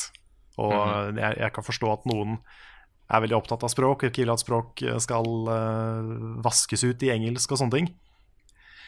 Personlig så er jeg liksom en tilhenger av at språk har alltid forandra seg. Og Ja. vil alltid fortsette å forandre seg. Mm, Og bare så lenge skjønner står hva imot, mener. så, ja, så er det, det er litt som å kaste en bøtte med vann på en skogbrann, liksom. Du, du klarer ikke å stoppe det. Det var fin. Mhm. Ja. Nei, sånn generelt så er jeg jo tilhenger av å finne gode norske ord, og det fins mange tilfeller hvor det fins gode norske ord for de tingene vi snakker om. Mm. Men uh, ja. Det er noe annet å gjøre det muntlig enn å gjøre det skriftlig, føler jeg. Ja. Og så er det, det handler også litt om hvor formelt det skal være også, tenker jeg. Mm. At vi har en sånn, Jeg føler vi har en ganske avslappa tone, også i liksom manusanmeldelser. Men hvis jeg skulle hatt et foredrag som skal vises på NRK, så hadde jeg jo ikke brukt game, altså, Da hadde jeg ikke brukt engelske ord. Men jeg føler ikke at det er der vi ligger. Men vi får jo noen utfordringer, da, for vi kan hoppe over til neste spørsmål. Ja, det er et spørsmål fra- Tom Erik Skaug Thorvaldsen, som spør hva betyr meta? Og Det er jo en sånn ting Ja. ikke sant, hvor eh, det er masse sånne uttrykk som vi slenger ut hele tiden, som man av og til går ut ifra at alle bare vet. Mm. Ja, for det, det fins en god del eh, Altså det fins mye gamerterminologi. Mm. Og det er ikke alle som hører på den podkasten eller som ser på det vi gjør, som er like inne i gaming som oss. Nei. Og det kan være lett å glemme, og det er litt synd. Jeg kan også legge til at eh, det er først i nyere tid som jeg har begynt å bruke det ordet, og for, helt fullt ut forstått hva det er. da Så dette Mm. er ikke noe flaut å innrømme at man ikke vet hva en meta er. Nei, jeg, jeg forstår hva meta er, men jeg vet ikke om jeg klarer å definere det. Det er jo et norsk ord, da. Det står i boka. Ja da, men det handler mer om uttrykk. Det er et veldig spesifikt spilluttrykk. Og det det handler om, er jo eh, at i et spill, og da særlig multiplayer-spill, eh, men også singleplayerspill, men helst da multiplayer-spill, så RMETA er en eh, samling av våpen, abilities, uh, class builds, sånne ting, som objektivt sett er bedre enn det andre som er i spillet. Ja, the current meta. Mm. The current meta. Også hvis et våpen, et spesifikt våpen, har mye kortere time to kill enn alle andre våpen i samme klasse, så er det et metavåpen. Så har du òg omtalen som at noe er meta, i den grad at det handler om seg sjøl. Eh, Ja, det men det, vanlige ikke, ikke, denne, ikke denne sammenhengen. Det er Nei, men vi, har, vi, kan, vi har brukt meta på den måten også. Mm. For det, Ja, det, si det, det, er sånn er jeg sykt ser meta. For det har er Mm. blitt brukt mye på nett, hvis du da ikke vet hva det betyr, så skjønner jeg at det er en case, derfor vil jeg bare ta opp den, da. Ja, for da blir det kontekst igjen hva man snakker om. Mm, mm. Ja. Liksom. Ja, men generelt, da. Det at noe er meta, det er at det er veldig dette det handler om, på en måte. Er det riktig å si? Ja, jeg vil òg si nei, der, altså. nei, jeg tror meta da vil jeg på en måte Hvis jeg sier at et spill er meta, så betyr det at på en måte, det er sjølbevisst, nesten. Ja, bevisst. Altså, det handler om det det er. Det er det jeg mener at det, det beskriver Det er selvbeskrivende. Selvbevisst selv, det, er, det er vanskelig å gi en veldig tydelig definisjon. Ja, men det er to forskjellige ting, da. Nå Ja. syns jeg vi roter oss litt bort der. Ja, okay. Me- Meta jeg, som jeg prøvde å liksom lage en generell, men det er vanskelig. Nei, det går ikke. Nei. Det går ikke, for uh, meta i multiplayer-spill er noe annet enn det, da. Mm. Hvis et spill er meta generelt, liksom, så, uh, så Ja, er jeg, annet jeg begynte å tenke på sånn hvorfor vi kaller det, vi kaller det meta. Mm. Men det er fordi det er det Det er de våpnene, de tinga, som spillet nå handler om. Derfor er de metan. Ja, kanskje, kanskje det ligger noe i det. Ja, jeg vet ikke. Jeg prøver bare å finne en uh, forklaring. Nei, I hvert fall i den sammenhengen som folk bruker det når de diskuterer online- online-spill. Mm. Så snakker de om at du trenger det, det og det våpenet for å være god i multiplayer, eller for å gjøre det bra i multiplayer, eller den og den bilden uh, for å liksom maksimere effekten av granater, eller hva som helst, liksom. Mm. Men hvis Yes. vi bruker mye ord som, som folk ikke forstår, så bare si fra. Vi, vi kommer ikke til å være sånn 'Å, vet du ikke hva det betyr?' Nei. Vi, vi, er, vi er ikke der, så bare, bare si fra, bare spør. Så kan vi prøve å forklare det i neste episode, eller et eller annet Mm. Jeg er fortsatt ikke helt sikker på hva ganke betyr, men uh, Nei, jeg har sånn halvveis forståelse av hva jeg har er. sånn halvveis forståelse selv. Skal vi gå videre til neste spørsmål? Mm. Hadde du et, Ja. eh, Jeg har et, vet du. Det er fra Joakim Elsker du pedingser Svensrød. Han sier jeg har aldri spilt et Pokémon-spill, bortsett fra Go, men tenkte Sword og Shield var stedet å hoppe inn. Jeg hater at jeg må velge én av de, og at jeg ikke får alt i et spill. Hvilket skal jeg velge, og hvorfor? Fortell gjerne om forskjellene også. Kunne sikkert googla meg til et svar, men alltid hyggelig å høre fra dere. Og jeg må først bare komme med en liten sånn eh, En liten sånn hyllest til Joakim, som bare er så åpen for så mange forskjellige typer spill om dagen. Jeg synes Det er så kult å lese. Ja, det er kjempegøy. Han har jo bare kasta seg ut i det ene etter det andre de siste åra, virker det som. Ja, hele spennvidden òg, fra Ja, ja. Persona til Pokémon, liksom. Ja, ja. Han har kjørt gjennom Kingdom Hearts. Han har liksom bare vært så på alt vi har snakka om, egentlig. Jeg elsker at du sa hele spennvidden fra Persona til Pokémon, uh, Pokémon, for begge to er jo JRPG-er. Ja, så det er en litt liten spennvidde. Ja, ok, litt spennvidde. Ja. Men det har vært, det har vært mye spennvidde. ja. Ja. Og det er, det er gøy at du er så åpen for nye ting, eh, Joakim. Mm. Det er kjempekult. Mm. Men Det er jo alltid Pokémon-spill kommer som regel i to versjoner. Hovedforskjellen er det er ulik to ulike versjoner av en legendary. Så du har enten altså Lugia eller Ho-Oh i andre generasjon, Ja. eksempel. Her har du to hunder. Den ene ser litt ut som skjold, og den andre holder et sverd. Ehm, og så er det litt forskjellig utvalg av Pokémon, men det er som regel bare et par-tre stykker det har det går utover. mm. ja, du har, du har en liten samling med eksklusive Pokémon. Og så er det som regel den legendaryen som er på coveret. Mm. Er ofte eksklusiv til spillet. Og så er det, i hvert fall i Sword of Shield, så er det én gymleder som er annerledes. Det er litt sånne ting. Okay. Litt sånne stor- story-detaljer. Eh, og så har du liksom forskjellige Pokédex entries hvis du er så dypt nedi det. da At du vil liksom ha mest mulig law om hver Pokémon. Så er det forskjellig info. Jeg kan si at jeg hver, hver gang kun velger den, eh, den eh, versjonen av spillet som har den kuleste legendaryen. Og da er alt jeg legger ned i det. Ja, jeg pleier å sjekke hvilke Pokémon som er i hvilke spill. Sånn som eh, denne gangen her så valgte jeg Sword litt fordi jeg syns den sverdhunden er kul. Men også fordi det er det spillet som har Surfetched. Mm. Og Surfetched er liksom Tok internett med storm og fortjente det. For det er en fantastisk Pokémon. Endelig har Farfetched en evolution, og så har den liksom en, en, et purresverd. Ja. Det er kjempebra. Men du, Nick, du har jo gått for så, eh, Shield.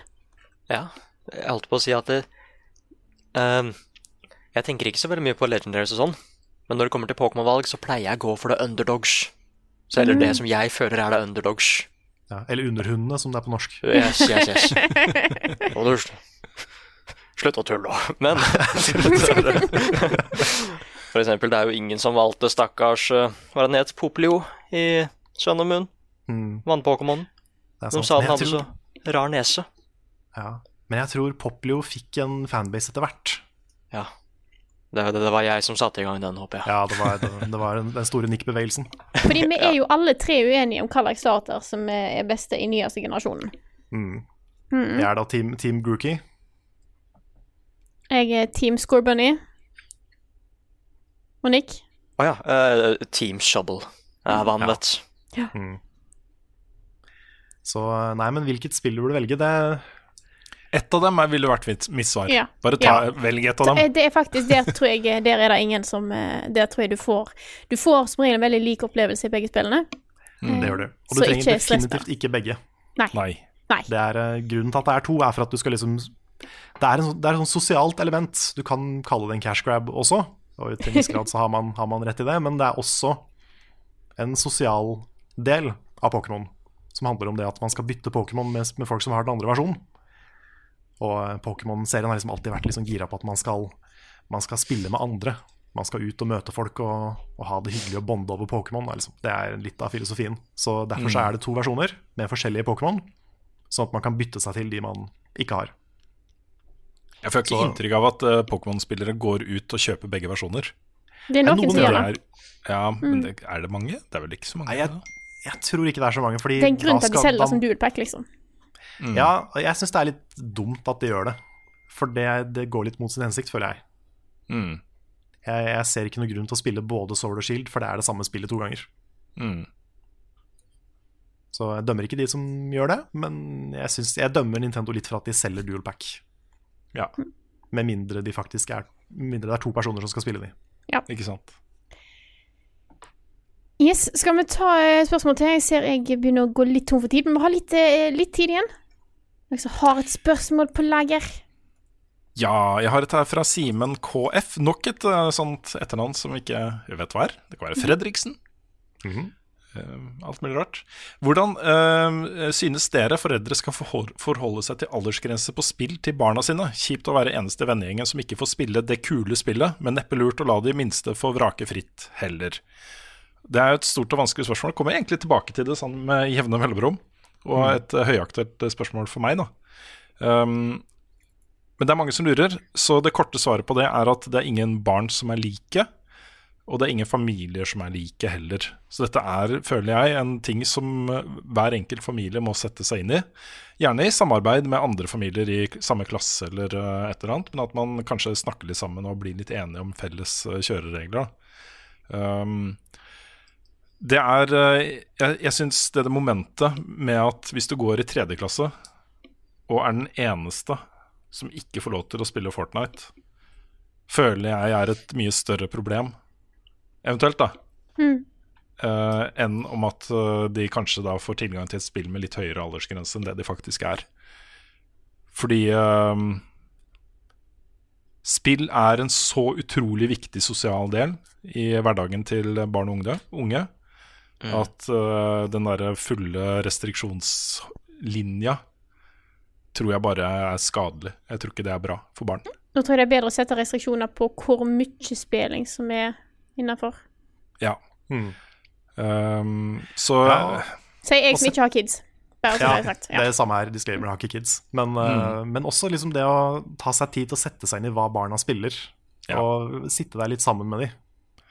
Jeg tror det er, jeg tror det er helt essensielt. Uh, det er liksom Ha et bevisst forhold til hva barna dine forbruker av underholdning, og bry deg litt om det og sett deg litt inn i hva det er. For de har gjerne lyst til å snakke med deg om det de har opplevd i Minecraft eller eh, Fortnite eller hva som helst. I hvert fall opp til en viss alder. da Når du blir 13-14, så gidder de ikke å snakke med foreldrene sine lenger om sånne ting. Ja, men da har du kanskje bygd opp et sånt eh, spillvennskap, ikke sant? Ja, kanskje det. Kanskje det kan spille sammen. Ja. Sånn som jeg så James Bond-filmen på kino med pappa. Ja. Kan hende kan en, liksom Sam har lyst til å bonde med deg om spill hele livet. Ja, det kan, kanskje. Jeg håper det. Jeg håper det. Men uh, uansett, da. Det er viktig å bare være med på den biten der. Um, så eh, ja. Det korte svaret er individuelt. Og de aldersgrensene i Norge er veiledende. Det er ikke noe Du blir ikke satt i fengsel hvis du kjøper et tolvårsgrensespill til tiåringen din. Det er bare viktig å følge litt med. Jeg har et spørsmål ta her. Men den siste Ja, jeg har et spørsmål her, hvis ikke du Ja. Nei? Eh, Ja. Hvis det er jo greit? Det går greit. Det er litt mest fordi at jeg syns det var veldig eh, festlig, og fordi at jeg har en personlig ting, så jeg trenger ikke å ta det så langt. Um, dette er fra Liv i Kiwi, altså Liv Sara, som skriver Hei, ny Patron-backer her. Hallo. Hello. Eh, skriver veldig fornøyd med å endelig kunne gi meg støtte til dere. Tusen takk for alt dere lager. Dere er viktige, og det dere gjør, er viktig. Ikke glem det. Så over til første spørsmål. Har dere noen noe dere frivillig slash ufrivillig samler på? Jeg syns bare historien her er ganske festlig. Jeg har hatt katt i 15 15,5 år, samme katten. Eh, Og mor og søstera mi gir meg ofte noe kattrelatert til jul og bursdag. Altså kattepynt, kattestatuer, katteskilt, kattesmykke, kattekort osv. Jeg måtte sette ned foten ned nå og si at jeg har ikke plass til flere ting, og de er ikke enige. Og jeg syns det er bare så utrolig De er ikke enige, det er kjempebra. Men jeg, kan, jeg, jeg ville bare ta opp den, for jeg syns det var en utrolig herlig historie, og kult at du er ny patron- patronbacker. Eh, men jeg har nå begynt å samle på noe som jeg ikke hadde trodd at jeg noen gang skulle begynne å samle på. Jeg kan ikke si at jeg begynte å samle, men jeg har bare på en måte eh, begynt å kjøpe noen ting, og så bare stopper jeg ikke. For jeg har havna på plantekjøret. Oi. Så jeg har jo nå, for nå har jeg sant, ny leilighet i vår, begynte på en måte Jeg har ingen pynteting, så jeg begynte å kjøpe planter. Og dere var jo ikke oppe i stua mi da dere var her, men nå har jeg én, to, tre, fire, fem, seks, sju planter i stua mi. Eh, og så har jeg to nede. Så det er sånn der, nå har jeg en havna der. Jeg kjøper plante. Jeg klarer å la plante overleve for første gang i mitt liv. Jeg har nå kjøpt meg en blomst. Og da er jeg sånn der, nytt, sånn, nytt eh, nivå. Jeg har som regel tatt liv av kaktuser og orkideer, men nå får jeg det til. Så nå er Ja, jeg du har- blitt ja. Du har 900 flere blomster og planter i leiligheten din enn det vi har her hjemme. Så jeg vet ikke helt hvorfor, når dette skjedde, eh, hva som har skjedd meg, og hvorfor jeg er der, men eh, det har i hvert fall Det har skjedd, da. Det er, du har flere voksenpoeng enn oss, tror jeg, snart, Frida. Ja. Jeg tror du har overgått meg for lengst. Så det er, det er litt her. Men jeg, jeg på en måte er litt fornøyd med det. Og skal jeg ha en større en nede på, på, eh, ved spisebordet, og så på en måte Da kan jeg sikkert gi meg. Eh, og nå er det jo òg på tide for meg å eh, Nå skal jeg starte opp to akvarium nå, så da skal jeg jo kjøpe akvarieplante. Så da er jo jeg Jeg, jeg er djupt nede i dette her nå. Så jeg Mm. ville bare liksom informere om dette. At det da er min Og så er det jeg som velger gress-Pokémon. Ja. Det er rart det der. Da begynte jeg å henge meg opp i sånn her, det å ufrivillig samle på noe. Jeg Ja. begynte å tenke på om har jeg noen gang ufrivillig samlet på Jeg tror ikke jeg har det. Nei. Det var et sånn spennende, spennende konsept. Mm. Mm. Jeg har en hvor jeg, jeg begynte en periode, og så det, det skjedde liksom først en gang som en joke. Så kjøpte jeg en hagenisse til foreldrene mine i sånn USA-gave. For det er jo så ganske stor ting der, da. Sånn gnomes ikke sant, som du har ute i hagen din. Og så var det en periode da hvor jeg gjorde det hver gang jeg var i USA. Da var det sånn til slutt så var det sånn Jeg tror jeg kjøpte to hagenisser etter at de ba meg om å slutte. Men det står jo f.eks. en sånn zombie-hagenisse ved liksom inngangspartiet til foreldrene mine. Så Ute, ute der liksom blant alle blomstene til mutter'n. Ja. Mm. Det syns jeg var litt morsomt. Jeg fant, jeg fant en ting uh, som jeg har lyst til å samle på. Jeg har lyst til å begynne å samle på. Og det er sånn der eh, upassende juleservise. Og Ja, det visste man noen bilder, utrolig, Det var utrolig morsomt. Det sånn, se på sånne, se for deg sånne slott, flotte sånn porselenstallerkener med nisse, nisser og sånn. Og så står det midt på tallerkenen liksom Helvetes jævla faens drit. og det er, jeg syns det er et eller annet veldig, veldig veldig morsomt med det. Mm. Så jeg har, jeg har lyst til å bare kjøpe alle. Ja. Det var mange kule, kule meldinger Ja, der. veldig, Altså. mange, veldig mange morsomme. Noen av de skal jeg ikke nevne høyt i podkasten. Det er litt morsomt hvis man kan servere folk, ikke sant. Men dette, Ja, og og så så ser man etter hvert som man spiser revealen. opp. Ja, ikke Ja, ja. Så du spiste opp kaka, og så bare Å ja. Her, står- her, her står det pulestemning. liksom. vi, Ja, vi, må, vi må straks eh, logge av, men eh, bare ta veldig, veldig, veldig, veldig kjapt. Da må gå Som en siste ting. Marius uh, Krinnan som lurer på om vi skal dekke eller delta i veldedighetsstreamen til Rad Crew den 30. november. Og da kan vi avsløre at det skal vi være med på. Det er planen. Ja, Dukker opp som gjester der. Vi har blitt spurt og sagt ja, så det gleder vi oss til. Yes. Og nå må jeg gå, for nå er det snart noen sånn kommentarrom her, så da tar jeg og eh, runder av ganske fort her. Ehm, jeg vil bare si tusen takk til alle dere som støtter oss på Patreon. Dere er superbra folk. Eh, og vi kunne ikke klart oss uten, så vi vil gjerne gå inn på patreon.com slash levelupnorge og støtte oss der. Da var alt for i dag. Tusen takk for at du hørte på denne episoden her av Level Backup. Takk for oss, og så snakkes vi igjen neste uke.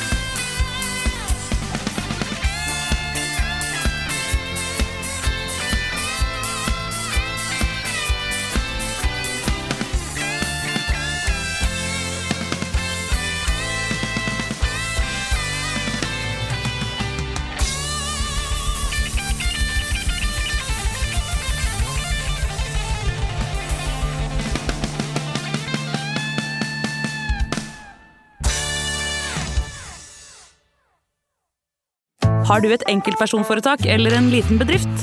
Da er du sikkert lei av å høre meg snakke om hvor enkelt det er med kvitteringer og bilag i fiken, så vi eh, gir oss her, vi. Fordi vi liker enkelt. Fiken superenkelt regnskap.